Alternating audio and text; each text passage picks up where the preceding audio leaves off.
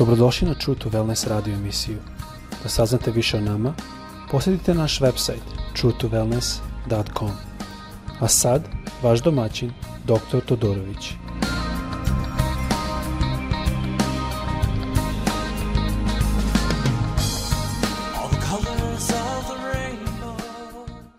Ljubazni, dobrodošli na naš podcast. Ovo je sada treća epizoda da radimo o tome kako a, svedočiti ljudima koji su ateisti. U prvoj epizodi smo govorili o znanju koje mi moramo imati, to jest mi moramo da se ne stidimo reći Bože, zato što razumemo šta je reč Božja, da je reč Božja sila. Ovo ćete čitati u Rimljanima 1. glava 16. stih. Da je reč Božja sila Bože na spasenje. Jer kaže tamo, Paul kaže, ja se ne stidim evanđelja, jer to sila Božja na spasenje i jevreju i a, na, na Bosu. E sada, to je jedna stvar, jedna baza, druga baza znanja, zašto mi svedočimo ono što se nalazi u Korinčanima 13. glavi, da kaže, sad ostaje vera, nada i ljubav. Znači, mora imati veru, mora imati nadu, mora imati ljubav. O tome smo govorili, a onda u drugoj epizodi smo malo govorili o znanju koje moramo imati. Moramo razumeti baze na koje je evolucija bazirana. Evolucija je bazirana na principu probability teorije, a koja je teorija što kaže ako ima neograničeni broj pokušaja, onda šansa bilo čega je i 100%. E sada, normalno, mi ako gledamo na nešto sasvim logično, kao recimo kola koje vozimo, ako vozite, ja sam spomenuo BMW, Mercedes nije bitno, Ta kola, kako god da nam izgledaju komplikovana, ona su puno jednostavnije nego sistemi koji postoje u prirodi, nego ljudsko telo, na primer, ili ekološki sistem koji postoji između životinja koje država jednu ravnotežu u životinskom svetu.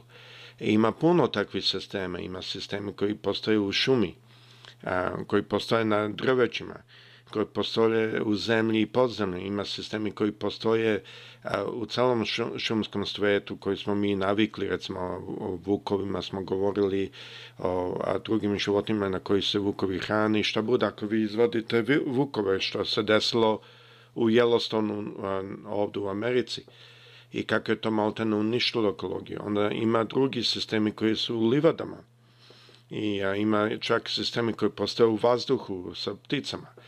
Tako da je to jako bitno shvati da ti sistemi su puno komplikovaniji nego recimo Mercedes ili BMW, a mi nismo našli BMW da sam po sebi se stvorio. I normalno ako o tome pričamo mi se još i smijemo, to svakako nije slučaj. Ali verujemo da naši sistemi, naše telo je moglo samo po sebi da se stvori, a, a puno je komplikovanije nego recimo Mercedes. Tako da to su neke logične um, prerasude koje a, morate razumeti se nalaze u diskusiji evolucije.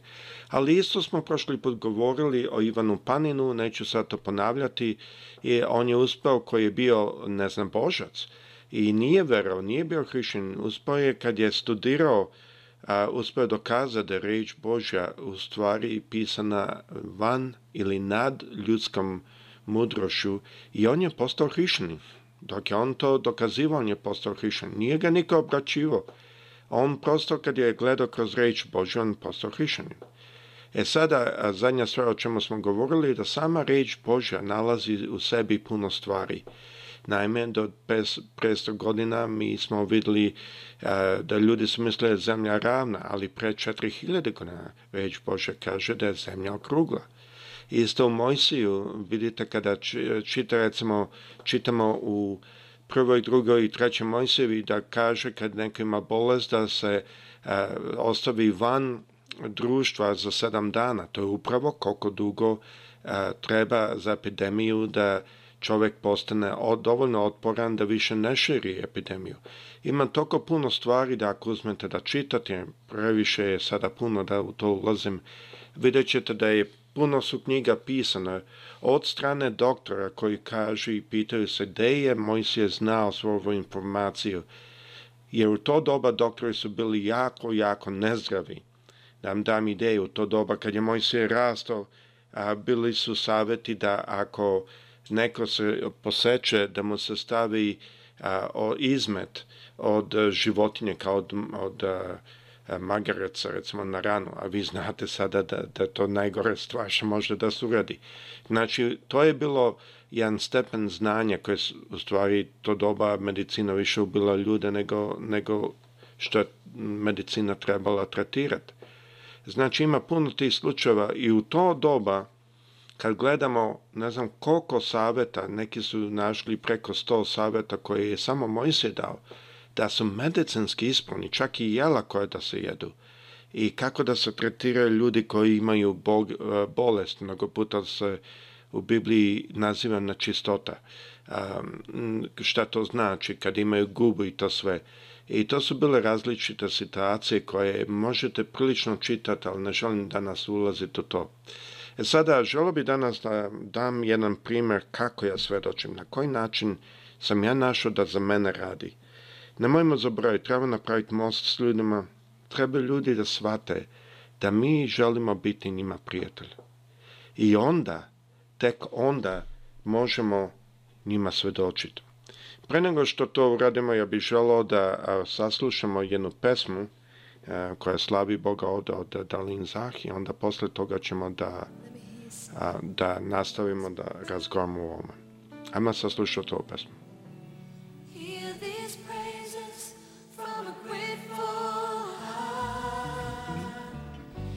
each time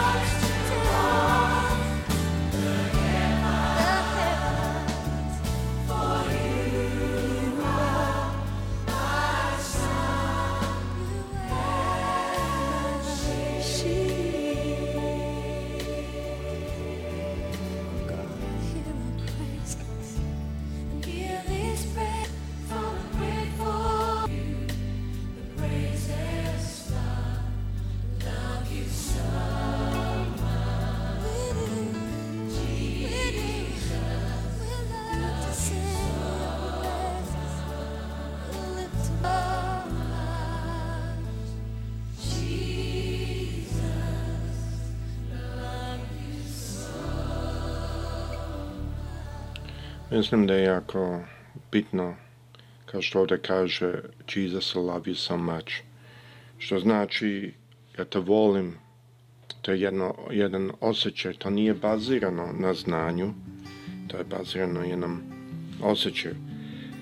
Pre nego što podelim o tome kako ja obično pričam i podelim s ljudima o ono što ja verujem, želim da pročitam reč Božju koja piše u 1. Korinčinima prva glava, 18. stih da kaže Poruka Krista je ludost za one koji propadaju, a Božja sila za nas koji se spasavamo. Jer zapisano je, uništit ću mudrost mudrih i odbaciti umnost umnih. Moramo znati da mudrovanje neće obratiti nekog, nego šta obraća ljude je ono što je iza, a to je jedan odnos. I zato mnogo puta kada ja počnem da svedočim, ja priđem ljudima i zapazim šta je to što ljudi vole. Ali oni vole da skupljaju cveće, ali oni vole da putuju. I u tim stvarima nađem one stvari što ja isto volim i pridružim se. Jako pazim da ne budem dosadan. Naime, mnogi ljudi misle da kada trebaju svedočen da stanu, da počnu i samo idi, idi dok se on ne vrati. Ne neće se obratiti, da tako ćete ga samo odgurnuti. Ako je fin, možda će da se pravi malo da se obratio, samo da bi se otrazio. A to nije, niti je to jedan hrišćanski primer, niti je to nešto što bi mi trebali da a, se tako ponašamo. Mnogo puta kada se družim sa ateistima, to uzme više vreme da se napravi taj most. Prvo, ja pokušam da budem ljudima od pomoći. Želim zaista da im pomognem. I ako nikad se ne obrate Bogu, ja i dalje želim da im pomognem. I želim da budem tu, da budem jedan blagoslov. Tako da kada oni razmišljaju o meni da mislim, o taj mi je zaista bio na blagoslov. I to je jako bitno. I onda mnogo puta e, koristim priliku, recimo kad se nešto desi ili kada nešto kažu, pogotovo ovo što je ovo čudno ili kao obično ljudi kažu e, ono što siješ, što žnješ. I onda mnogo puta započnem tu i kažem zanimljivo mi je to jer ja sam bio ateista, obično tako kažem. I zapazio sam mnoge te stvari predlažu da postoji neka viša sila, da postoji nešto. Zato što to zvuči kao jedan sistem prirode koji e, neko mora da upravlja. I na taj način obično počnem s njima i obično ta pitanja, hej, da, pa da li Bog postoji? Pogledaj sve oko nas kako je to organizovano. Pogledaj kako je sve u nekom redu. E, a ljudi kažu da Bog ne postoji. Onda kako je to organizam, kako to nije ni na jednoj drugoj planeti tako. I prosto pustim ih da pričaju. Ne napadat, ne puno reći. I mnogo puta pustim ih i mnogo puta ćete čuti da će ljudi reći opa, postoji neka viša sila. Postoji nešto gore. I ja se složim s njim, na, da, pa mislim da se upravo postoji. E, ima puno puta kad neko zav, zavisti radi nešto i dođemo nazad. Ili neko dobro radi i dođemo nazad. I onda ja obično koristim to da unapredim tu ideju da da, ima neka viša sila i onda mnogo puta kasnije nastavim i malo govorim o sistemu koji u kome priroda je komplikovana i ima puno situacija da čovek e, recimo doveo neku životinju koja nije prirodna u tom e, ambijentu i napravio prilično problema. Mnogo puta o tome ću govoriti, a mnogo puta ću o drugim stvarima. Znači, jako redko dovodim reč Božu tomu. I onda sam našao da mnogo puta kada vidim da su zaista zagrani da kažu pa postoji nešto, onda počnem da im govorim o tome pa šta je to nešto što postoji? Da li, da li je to neka inteligencija ili je to neka sila prirode? I onda a, na, najđem na to poglede kako smo mi napravili pogled naše telo, kako je komplikovano. To mora da je bila inteligencija da ne može biti sama sila prirode. I mean, pogledaj sistem oko nas, ekosistemi što postoje i prirodni sistemi. Većina ljudi se slože da je to eh, svaka kuzal neku inteligenciju. I onda kada to naiđemo na taj stepen, onda isto ostajem neko vreme, ne, ne napadam previše, to za, kažem, to uzme prilično vremena. I onda naredni put kada o tome govorimo, naiđem na to šta je to šta definiše inteligenciju? Well, a mi vidimo iz sveta da životinje i životni svet koji ima veću inteligenciju ima veći, veću potrebu za jedan odnos. Vidimo čak među životinjama koji su vrlo inteligentne, kao recimo psi, kućni psi. Oni imaju inteligenciju otprilike slično kao dete od šest godina. I oni žele da imaju jedno društvo s vama. Oni su Naime, te životinje dolaze od vukova koji imaju family strukturu isto kao i mi. I onda kada vidimo to, Bog je to napravio to, ali ja to još naučimo to. Kad vidimo to, onda vidimo da, da psi žele da imaju jedan odnos, da, da žive s ljudima. Ako gledamo na životinje koje imaju mal, manju inteligenciju, na primjer aligatori i krokodili, oni nemaju nikakvu potrebu za jedan odnos. I onda to prenesem pa dalje, ako je neko ili nešto napravio nas i sve ovo što postoji oko nas, ta inteligencija mora biti svakako veća od naše.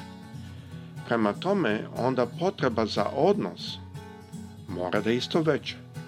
I onda idemo datle dalje da onda kažem, pa ako postoji potreba za odnos, onda na koji način bi takva jedna viša sila komunicirala s nama.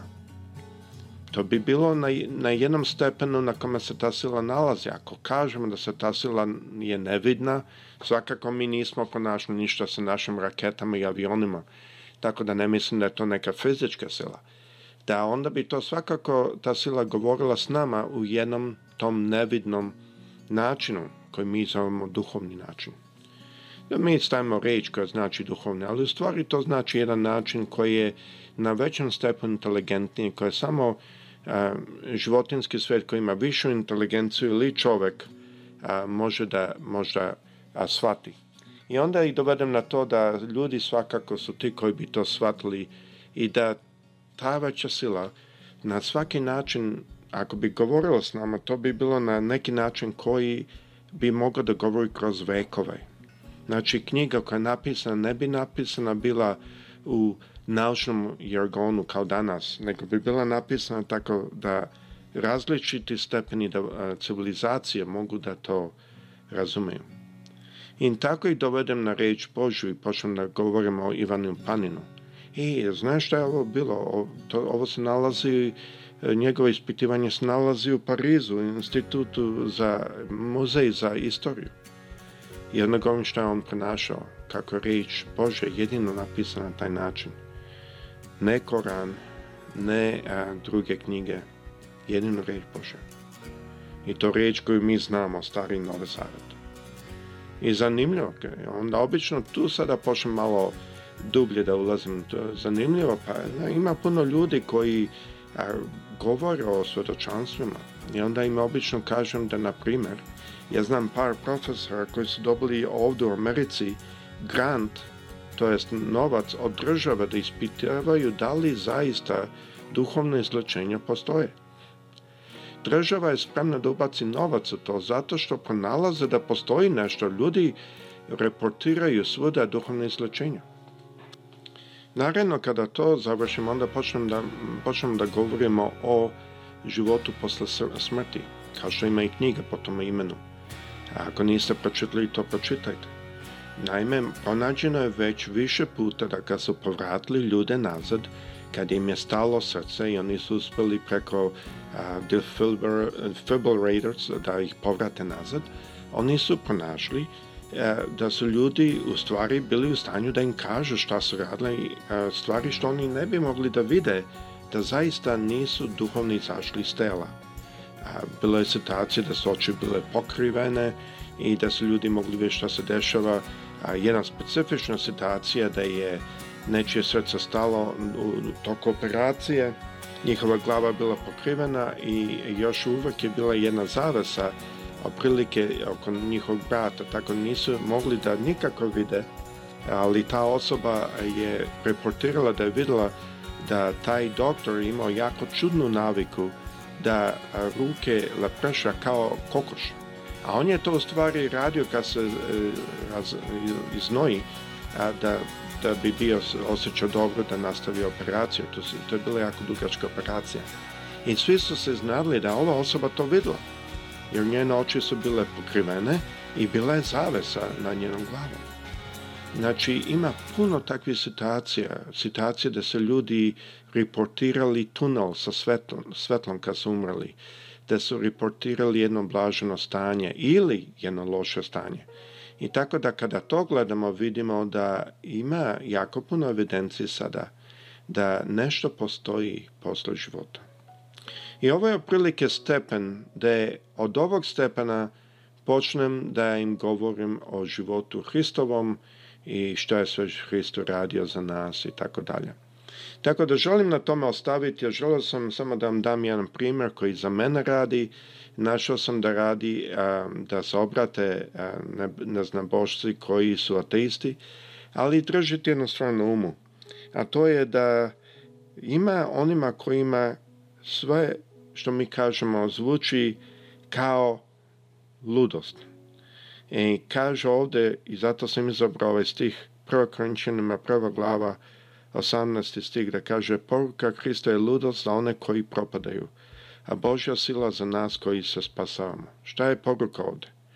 Poruka je da je naše da sejemo, a do njih je i zavisi u kojoj grupi pripadaju, da li će prihvatiti ili ne. To ne znači da vi niste dobro sejali. To samo znači da oni možda pripadaju one koji propadaju, ili za one koji se spasavaju. Tako da nemojte se brinuti o tome, nego samo radite ono što vam Gospod dao i Gospod će vas blagosloviti. Gospod sa svima vama. Prijetno.